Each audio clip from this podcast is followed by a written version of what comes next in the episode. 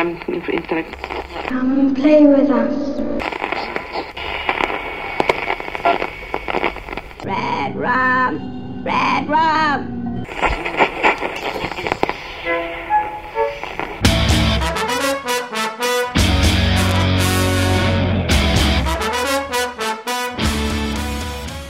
Witamy serdecznie w 183 odcinku podcastu Radio SK. Dzisiaj jest ze mną Jerry. Witam Ciebie, Jerry. Witam Cię, Mando. Witam wszystkich słuchaczy. I dzisiaj będziemy rozmawiali o komiksie Lock and Key, o pierwszym tomie dokładnie komiksu Lock and Key Joe Hilla i Gabriela Rodrigueza. Za mniej więcej dwa tygodnie w Polsce ukaże się drugi tom tej serii. Dlatego no, zapewne w przyszłości będziemy tom po tomie omawiać każde kolejne części. Dlatego w tej chwili najwyższy czas, żeby zabrać się za jedynkę. Ja w ogóle o tej serii już mówiłem tyle na łamach tego podcastu. To jest coś jak Mroczna Wieża. Mówię o tym i mówię, ale jeszcze ani razu nie zabrałem się konkretnie za, za omawianie konkretnych tytułów. Także dzisiaj na warsztat bierzemy Lock and Key, tom pierwszy. Witamy w Lovecraft, który na polskim rynku ukazał się za sprawą wydawnictwa Taurus Media. Welcome to Key House. Why is it called Key House? Oh, that's a good question. It's an old name. The whole place is amazing. I feel like I know the house. How long have you been here? Najpierw dwa zdania o polskim wydaniu. Po pierwsze, mamy miękką oprawę. No, już się do tego zdążyliśmy przyzwyczaić. Niestety, yy, no jest różnica, jest to coś, co mnie trochę tam cały czas gryzie, bo to jest tytuł, który yy, zasługuje na sztywną oprawę. Jest to tytuł, który im się bardzo ładnie sprzedał, no ale trudno. Ja akurat jestem fanem sztywnych, yy, sztywnej oprawy, także trochę mnie to tam gdzieś kuje, ale luz. Cieszę się, że przynajmniej ten komiks ukazał się na naszym rynku, chociaż w takiej formie. Po drugie, w polskim wydaniu kilku rzeczy zabrakło. Nie ma wstępu, który znajdziemy w wydaniu amerykańskim, przy czym czy go aż tak brakuje? Moim zdaniem to jest bardziej ciekawostka. Chyba tak ja podejrzewam, że nie wiem, czy to nie dlatego wyleciał, że e, jest tutaj dużo baseballowych wtrętów w tym wstępie. E, Robert Kress, który tutaj opowiada o tym, jak się spotkał z Joe Hillem gdzieś tam w Wielkiej Brytanii jako dwóch pisarzy z jednego kraju. Opowiada właśnie o swoim pierwszym z nim spotkaniu. Wstęp dosyć interesujący, dlatego że zwraca uwagę na Hilla nie tylko jako komiksiarza, tylko właśnie ten pisarz amerykański wspomina o tym, że po tym, jak, jak się spotkał z Joe Hillem, sięgnął i po opowiadania, i, i po powieść, i, i, i po komiks, i w zasadzie podkreśla, że na wszystkich polach Hill się sprawdza.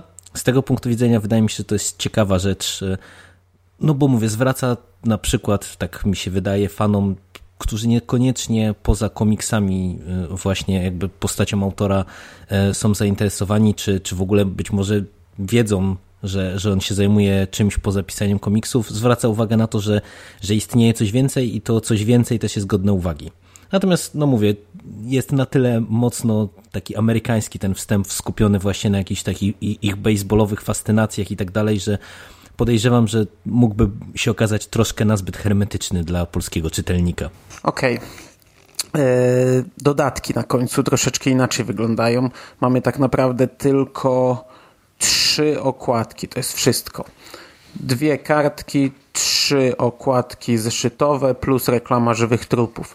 W oryginale jest tego trochę więcej. Są prawie wszystkie okładki zeszytowe, jest pięć okładek, ponieważ szósta zdobi front i już najwyraźniej nawet w oryginale stwierdzili, że nie ma sensu jej dawać do dodatków. Plus są jeszcze szkice, zarówno szkice budynku Keyhouse, jak i wizerunki postaci, które były prezentowane na etapie zapowiedzi komiksu oraz szkic wyspy. No nie ma tego dużo, ale jest troszeczkę więcej niż w Polsce. Nie mam pojęcia dlaczego w Polsce wypadło, czy ilość stron ograniczona, czy o co chodzi, ale Znaczy to też jest jeszcze dla mnie szczegół. Co mi się nie podobało troszeczkę, bo ja dzisiaj jestem na bieżąco, w zasadzie przed chwilą skończyłem czytać ten komiks, to... Mm, Key składa się z sześciu zeszytów i te zeszyty nie są jakoś specjalnie mocno rozdzielane w wydaniu zbiorczym amerykańskim. Nie ma tak jak zazwyczaj, że jest jakaś strona rozdzielająca z okładką, ale każdy kolejny zeszyt jest e, ponumerowany w wydaniu amerykańskim. Mamy e, Welcome to Lovecraft, chapter i tak dalej. Pierwszy, drugi, trzeci czwarty, piąty, szósty i to jest o tyle fajnie zrobione w amerykańskim wydaniu, że te tytuły są wpasowane w, w rysunki. One się pojawiają gdzieś tam na przykład na podłodze albo y, na stole ze zwłokami, albo na wodzie takie pływające napisy I, te, i, i to w polskim wydaniu zostało usunięte. Nie mam pojęcia dlaczego. Mnie się to strasznie podobało, bo to jest trochę na takiej zasadzie, nie wiem czy oglądałeś serial Herosi, tam yy, tytuły kolejnych odcinków też właśnie były tak wpasowane, pojawiały się gdzieś, wiesz, jako element otoczenia, a może to by był i drobiazg, chociaż moim zdaniem to jest już jakaś ingerencja w rysunek jednak, ale w pierwszym tomie Witamy w Lovecraft różni się narracja kolejnych zeszytów, tam czasami jest jedna bohaterka narratorką, czasami druga.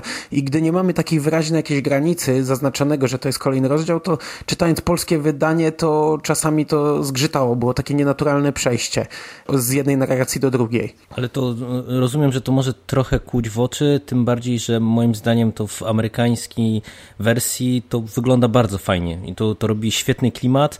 I to był jeden z takich elementów, na które ja zwróciłem właśnie uwagę, jeżeli chodzi o takie fajne wykorzystanie medium, jakim jest komiks. Że z jednej strony to było takie zagranie właśnie wykorzystujące i daje, to, to co, to, czy takie możliwości, jakie daje nam komiks, gdzieś tam poprzez zobrazowanie czegoś i pokazywało to, że z jednej strony można to było zrobić takie te przejścia bardzo naturalnie, ale z drugiej strony właśnie gdzieś tam je dosyć wyraźnie oddzielić i faktycznie no to może trochę być zaskakujące i trochę kogoś, kto był zaznajomiony z komiksem w oryginale, może trochę, trochę boleć. I, I wcale się tutaj nie dziwię, bo tak od razu dodam, że rozmawiamy trochę z pozycji y, dwóch, bo ja oryginału polskiego nie zakupiłem, niestety. No ale rozmawialiśmy tuż przed nagraniem, że za dużo ostatnio się troszeczkę tego zrobiło, a, a ja akurat w momencie, kiedy Taurus ogłosił, że ten komiks y, wyjdzie w końcu y, na polskim rynku, to do mnie właśnie już le leciał zamówiony chyba przedostatni czy ostatni tom, więc już stwierdziłem, że już dobra, przeżyję i w oryginale dokończę całość. Ja trochę nie bardzo rozumiem, dlaczego tak zostało zrobione, bo ja rozumiem kiedyś tam, wiesz, w latach 90., e, gdzie wydawcy dostawali czasami w zasadzie, wiesz, e, skany amerykańskich wydań i musieli kombinować i tam czasami w starych komiksach jest coś takiego, że jak napis był wpasowany w rysunek, to była taka chamska ramka, jak w pańcie nałożona, no ale w dzisiejszych czasach to, wiesz, to pierwsza lepsza osoba z, z domowym komputerem byłaby w stanie w 5 minut nałożyć e, te tytuły na rysunki tak naprawdę. A ostatnia rzecz, która jeszcze mnie tak troszeczkę tak troszeczkę zakuła w polskim wydaniu, to taka trochę niechlujność mam wrażenie, bo e, niektóre rzeczy nie są tłumaczone. Przykładowo... Mm, znów takie rzeczy wpasowane w rysunek. Na przykład masz e, drugi zeszyt zaczyna się od takiego komik komiksowej historyjki napisanej przez Baudiego o tym, jak spędził wakacje i on tam opisuje, że zabili jego tatę i, i tak dalej. I, i, I to jest na przykład wszystko na polski przetłumaczone, ale podpis jest by Baudy Lock. Albo na końcu jest Aha, The End. No, faktycznie. Wszystko jest po polsku, a, a na końcu widać The End. Wiesz, jak są u, u tej gimnastyczki w biurze, to y, ona ogląda stare zdjęcie z gazety. No i to też nie jest y, przetłumaczone na polski. Masz from left, from right i wynotowane kto kto się znajduje na zdjęciu. No takie rzeczy powinny być przetłumaczone. To takie trochę, taka trochę lekka niechlujność moim zdaniem. Tak wygląda trochę jakby korekta przyspała gdzieś tam przy, przy weryfikacji tego wszystkiego. No bo to faktycznie, tym bardziej, że to w dzisiejszych w dzisiejszych czasach to tak jak ja widzę te nowe komiksy, to raczej jest właśnie to dosyć spójnie robione i nawet właśnie takie rzeczy, e, które kiedyś gdzieś tam zdarzało się, że były zostawiane, to, to w tej chwili są tłumaczone od A do Z, więc no to, to faktycznie trochę dziwne. że akurat to przeleciało. No bo teraz wydawcy dostają, wiesz, normalne, graficzne, warstwowe w zasadzie mogą od podstaw stworzyć ten komiks, nie? Puste miejsca, na, nawet chyba nie tyle, że puste miejsca na dymki, co oni sami te dymki mogą nałożyć odpowiedniej wielkości, jakiej chcą. Teraz to już, to, to, to już nie są lata 90. Takie coś to można zrobić bez problemu, ale dobra, to tyle, jeżeli chodzi o narzekanie. teraz przechodzimy do e, sedna i teraz będziemy chwalić, myślę. O czym jest ten komiks? Po pierwsze, e, to był komiks od początku zaplanowany jako dłuższa, zamknięta historia. E, Joe Hill i Gabriel Rodriguez, który na razie jest podawany jeszcze jako autor rysunków, ale później będzie już podawany jako współtwórca komiksu, bo panowie tak naprawdę razem go tworzyli, również w warstwie fabularnej. Zaplanowali ten komiks od początku na określoną liczbę tomów. I to widać, i to bardzo widać, że to jest od początku zaplanowana historia. Tak naprawdę dostajemy tutaj w pierwszym tomie tylko wstęp do całej dłuższej historii, ale to już jest, jest już naprawdę dużo takich elementów wrzuconych, które na chwilę obecną niewiele powiedzą jeszcze czytelnikowi. W skrócie, jest to historia rodziny Locke, której głowa rodziny, czyli ojciec Randall Locke zostaje zastrzelony przez dwóch wyrostków, a matka z trójgiem dzieci przeprowadza się do rodzinnej posiadłości Key House, w której zaczynamy odkrywać jakieś tajemnicze przedmioty, tajemnicze klucze, tajemnicze drzwi, przejścia i tak dalej. I to jest wszystko przedstawione tak nieliniowo. No jest, jest mocno zaburzona chronologia tych wszystkich wydarzeń już od samego początku, bo tutaj to, to była jedna z tych rzeczy, które mnie szalenie urzekły właśnie w tym komiksie, że tu jest strasznie tak pomysłowo to wszystko rozplanowane i rozpracowane, gdzie nieraz wiesz, na trzech e, kadrach obok siebie są ujęcia z trzech jakby okresów historycznych, które potrafią oddać właśnie, nie wiem, to co postać, nie wiem, czuła albo, albo to co się działo właśnie w trzech różnych jakichś tam okresach czasowych, albo takie właśnie fajne przejścia, gdzie, gdzie widzimy sytuację teraz, yy, która gdzieś tam koresponduje z tym, co się wydarzyło wcześniej i to po prostu od strony takiej i fabularnej, i graficznej, i takiego właśnie rozplanowania całości tej, tej historii, no to po prostu wypada no doskonale moim zdaniem. No jest kilka takich, takich właśnie motywów, e, gdzie e, widzimy, że bohater coś robi, a w jego wyobraźni on nadal przeżywa na przykład scenę z przeszłości i, i to jest połączone właśnie e, to jego zajęcie w teraźniejszości z zajęciem z przeszłości, plus są właśnie bardzo częste skoki i pomiędzy kadrami i też całe, całe wydarzenia poprzeplatane są. To jest, to jest naprawdę doskonale rozpisane. To co mówisz, że to jest tak doskonale doskonale pomyślane, to właśnie widać, e, jak bardzo dobrze to jest rozplanowane, bo tutaj nie ma przypadkowości. No tutaj, gdyby to było pisane tak jak nieraz są, tak komiksy pisane, że z zeszytu na zeszyt, to, to by po prostu tego się nie dało w ten sposób e, poprowadzić, a tutaj no, wypada to świetnie i, i naprawdę widać ten taką myśl przewodnią, która od, właśnie od tego pierwszego tomu przyświecała i, i, i, widać jak dużo tutaj rzeczy, nie wiem, które się pojawiają gdzieś tam w jednym zeszycie, z, znajduje później odzwierciedlenie w kolejnych y, i, i to nie tylko w kolejnych zeszytach, ale też w kolejnych tomach. No właśnie, bo z jednej strony możemy mówić o o tym tomie, jak on fajnie został poprzeplatany i, i, i to, to jest naprawdę cały ten tom to jest jak układanka rozrzucona, która pomimo to ma sens. No, odkrywamy ją element po elemencie, przemieszane te elementy są, ale to wszystko się z czasem układa w jedną fajną całość, ale oprócz tego właśnie jest tutaj kilka elementów, które na razie nam nic nie mówią, których na razie nie znamy i to właśnie ja się zastanawiałem, jak będzie wyglądało recenzowanie tom po tomie w momencie, gdy my już mamy jakąś tam świadomość, co się dalej wydarzy. Ja na szczęście y, już dość dużo zapomniałem z, z dalszych części i tak naprawdę będę odkrywał je chyba na nowo wraz z polskimi wydaniami, ale już tutaj część takich, takich zwykłych, jakichś prostych zdań rzuconych już mi, wiesz, już mi otwierało jakieś tam drzwiczki w głowie i przypominały się niektóre rzeczy, yy, bo tutaj, wiesz,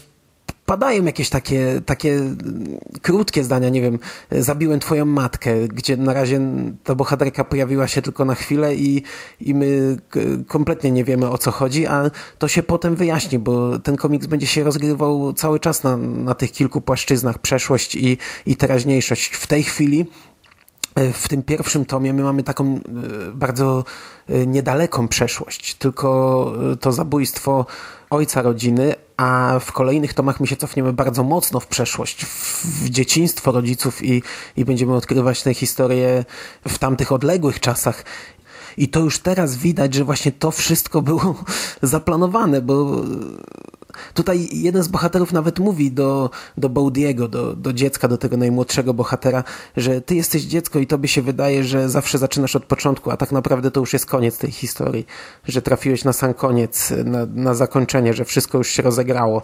Znaczy, oczywiście koniec to nie jest, jeszcze tutaj daleka droga przed nami, ale, ale właśnie będziemy odkrywać to wszystko dwutorowo i to jest rewelacyjne. To jest po prostu, to jest po prostu coś, co charakteryzuje pisarstwo Joe Hilla również w jego powieściach. No, rozplanowanie tego z tak szaloną dokładnością już od samego początku. Ale tu też, y, żeby nasi drodzy słuchacze, którzy się z komiksem jeszcze nie zaznajomili, nie odnieśli wrażenia, że to jest y, jakoś chaotyczne albo, y, albo przez to gdzieś tam jest problem z ogarnięciem tej historii, bo, no bo tak nie jest. To tutaj właśnie też widać taki kunszt pisarski Hilla w tym, że po prostu to widać, że to było rozplanowane i to dobrze rozplanowane, dobrze przemyślane jest to spójne i mimo, że właśnie cały czas e, gdzieś tam ta chronologia jest zaburzona, to nie sposób się w tym zgubić, tylko gdzieś tam właśnie te wydarzenia przesz z przeszłości, które się pojawiają, one nam dopowiadają, ilustrują, odkrywają przed nami dodatkowe konteksty tego, co zobaczyliśmy w tej chwili w teraźniejszości. Mm, także kapitalne jest to w tym komiksie, że właśnie od samosieńkiego początku w zasadzie mamy poczucie, że to, że jest tutaj ta zabawa czasem i, zaburzeniami chronologii, to nie jest tylko takie efekciarstwo, z jakim nieraz mamy do czynienia, e, gdzie po prostu cofamy się w przeszłość tylko po to, żeby zobaczyć coś, nie wiem, interesującego albo coś wstrząsającego z przeszłości bohaterów, tylko właśnie to, to pokazuje, że gdzieś tam ta przeszłość, ona będzie wracać i to można powiedzieć, że nie tylko jest integralna część tej historii, ale też właśnie cały, cały czas ta przeszłość, ona wpływa na to, co się, co się dzieje w tej chwili. To, co mówisz właśnie, że to, to gdzieś tam to jest jakaś tam kontynuacja tej historii i to nie jest tak, że, że w tej chwili poznając rodzinę Locke na tym etapie i, i poznając tą historię z perspektywy, no głównie jednak tej trójki młodych bohaterów, że to się do tego ograniczamy, tylko, tylko gdzieś tam to, to można powiedzieć, że jest to historia rodzinna, ale, ale właśnie taka wielopokoleniowa wręcz można powiedzieć. No. no i na chwilę obecną też nie jest to jeszcze aż tak jakoś szalenie skomplikowana historia. To też, żeby nie odstraszać słuchaczy, którzy ewentualnie y, mieliby ochotę zapoznać się z komiksem. No ten pierwszy tom jest, jest, y, no jest dość prostą historią. To na, na razie mamy rzucone jakieś, jakieś elementy, wiemy, że to się będzie wszystko rozwijać, ale, ale sam pierwszy tom jakoś szalenie skomplikowany i, i, i szalenie trudny do zrozumienia dla nikogo nie będzie oczywiście. Z punktu widzenia natomiast e, tej części fantastycznej, no to na chwilę obecną y, też dopiero, dopiero tak liznęliśmy temat tak naprawdę. Także pierwszy tom jest tak naprawdę wstępem e, do, do większej całości, ale, ale oczywiście stanowi jakąś tam, jakiś tam autonomiczny twór. Ma to wszystko wstęp, rozwinięcie i prowadzi do jakiegoś konkretnego zakończenia. I z tej perspektywy też mi się wydaje, że on się broni jako taki autonomiczny twór. Widać, że to jest część większej całości i na przykład pod kątem tych elementów fantastycznych, no to jeżeli ktoś by się nastawiał na to, że tutaj y, dostanie konkretne odpowiedzi, to nie. Widać, że mm, wraz z finałem y, Witajcie w Lovecraft, to, to jednak ta historia będzie miała swój dalszy ciąg, ale to, to nie jest też tak, że to jest po prostu taki, jak ja to czasami brutalnie mówię, hamski cliffhanger, że, że po prostu y, no, trzeba sięgnąć po kolejny tom, bo, bo po prostu coś stracimy, tylko to jest też tak, że z jednej strony mamy cały czas poczucie, że to jest większa historia i, i to się będzie dalej rozwijało, ale wydaje mi się, że ten pierwszy tom naprawdę też tą historię konkretną, którą ma do opowiedzenia, y, opowiada całkiem nieźle i zgrabnie puentuje i, i, i tutaj nie ma czegoś takiego właśnie, że że po prostu dostajemy dosłownie taki puzelek tylko, który nic nam tutaj nie powie. No dobra, no czyli fabularnie yy, zgadzamy się jak chyba zawsze przy Joe Hillu. Yy, moglibyśmy jeszcze pewnie piać i rozwodzić się i, i, i rozpływać i rozkładać to na czynniki pierwsze. A od strony graficznej, bo to jest yy, też dość charakterystyczna jednak część tego komiksu. Gabriel Rodriguez przedstawił go w sposób taki mm, taki kreskówkowy, w zasadzie bajkowy. No, to jest takie trochę zderzenie, bo mamy, mamy takie naprawdę kreskówkowe postaci, z dość dużymi oczami, takie wesołe twarze, a oprócz tego ten komiks jest dość brutalny i dość krwawy. I, i, i tak naprawdę też no, momentami dość, dość dołujący. To jest, to jest w końcu dramat. No i to teoretycznie to się powinno gryźć, a tak naprawdę sprawdza się doskonale. Ja powiem Ci szczerze, że y, ja na początku nie miałem aż takich dobrych y, wrażeń i ten pierwszy kontakt z komiksem właśnie od strony graficznej to ja czułem lekki taki dysonans.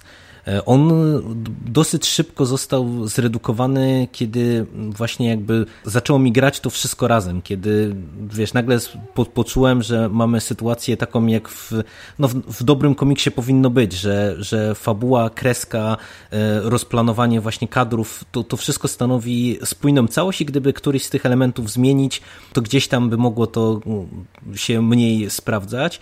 I takie właśnie wrażenie odniosłem też e, skończywszy pierwszy, ten pierwszy tom, że, że tutaj ta kreska, ona na początku, właśnie przez to, co mówisz, że tutaj no, mamy w zasadzie od samego otwarcia no, taki dosyć, no, i, I dosyć mocne jest to otwarcie, i dosyć krwawe, i, i, i no, no smutne, można powiedzieć, czy, czy jakoś tam dołujące. I to po prostu właśnie przez to, że, że te rysunki są takie trochę kreskówkowe, to mówię.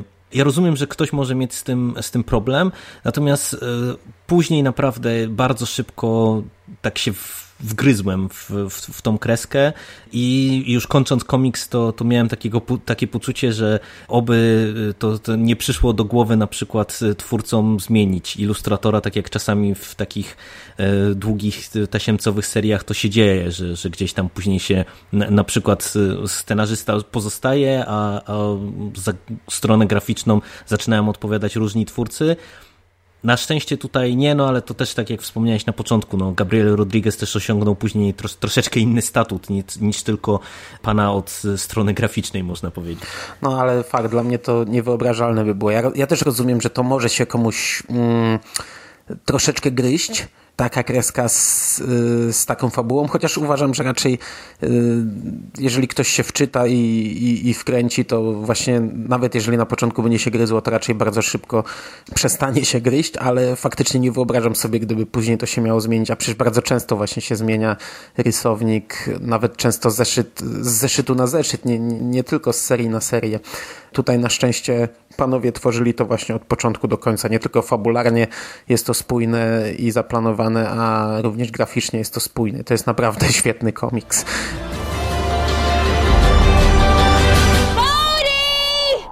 Mom says you gotta come in before dark. Okay, coming!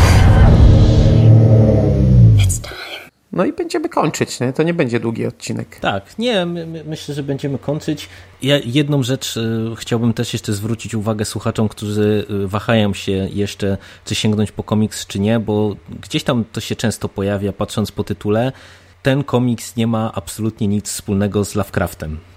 I, i, i to, że w tytule mamy y, Witamy w Lovecraft, to to, to naprawdę, to nie spodziewajcie się tu wielkich przedwiecznych i, i, e, i ten komiks nic nie ma wspólnego właśnie z, ze znanym amerykańskim pisarzem grozy, bo nie wiem dlaczego, ale właśnie bardzo dużo osób ma jakieś takie obawy, po, z którymi ja rozmawiałem, żeby sięgnąć po ten komiks właśnie z tego względu, że się spodziewają zaraz tam Ktulu i, i innych tego rodzaju elementów. Nie, tego tutaj nie ma.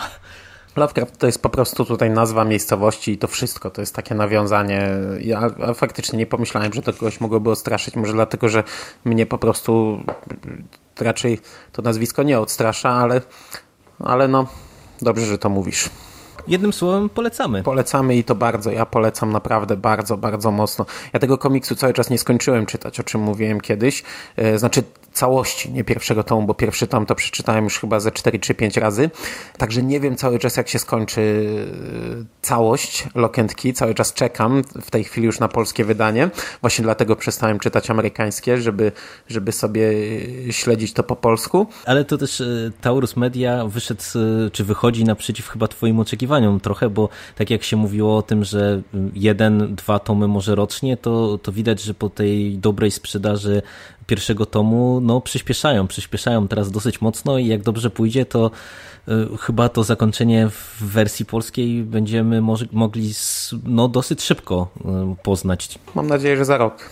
2016 już powinno się chyba pojawić jeżeli nie zwolnią tempa.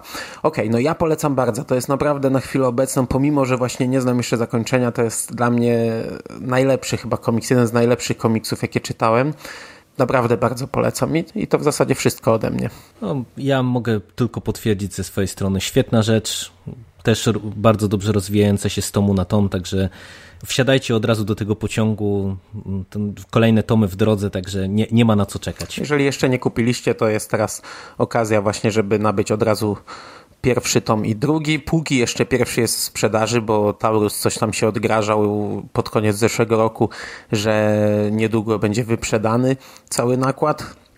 Na chwilę obecną jeszcze w sprzedaży chyba jest, więc wyskakiwać z pieniędzy my polecamy, a do tego tytułu jeszcze na łamach Radia Stephen King wrócimy. I to pewnie niejednokrotnie. Dzięki Ci, Jerry, za krótką rozmowę. Udało nam się nagrać krótki podcast. Pierwszy raz, odkąd pamiętam. No, nie, to, to zdecydowanie jak na nasze ostatnie standardy, to mam nadzieję, że słuchacze nie, nie będą rzucać w nas pomidorami, że, że się rozleniwiliśmy. Dzięki za rozmowę i do usłyszenia. Do usłyszenia, cześć. Cześć. Wow.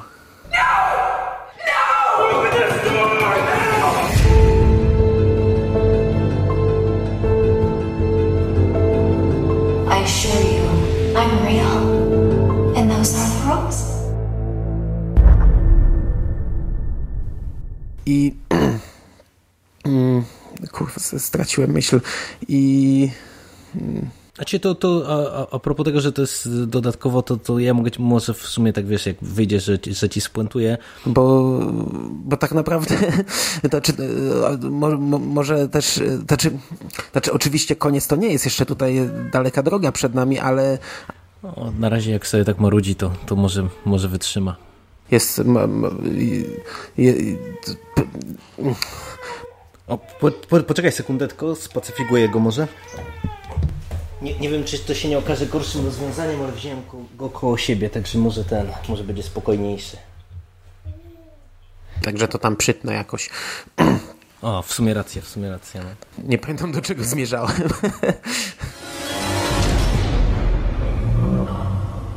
A już za tydzień w następnym odcinku radia Stephen King.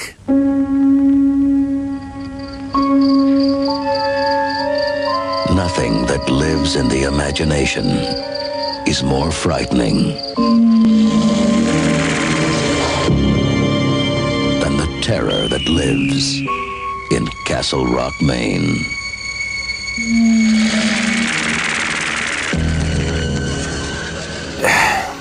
Witamy serdecznie w 184 odcinku podcastu Radio Stephen King odcinku wyjątkowym, ponieważ bardzo dawno nie było na łamach naszego podcastu nowego gościa i dzisiaj witam Filipa. Witam wszystkich, witam Ciebie Mando. Okej, okay, a my dzisiaj dla odmiany będziemy mówić krótko, ponieważ będziemy rozmawiać o dość, w zasadzie o krótkiej i prostej książce Stephena Kinga, Cujo. Now there's a new name for terror. Cujo.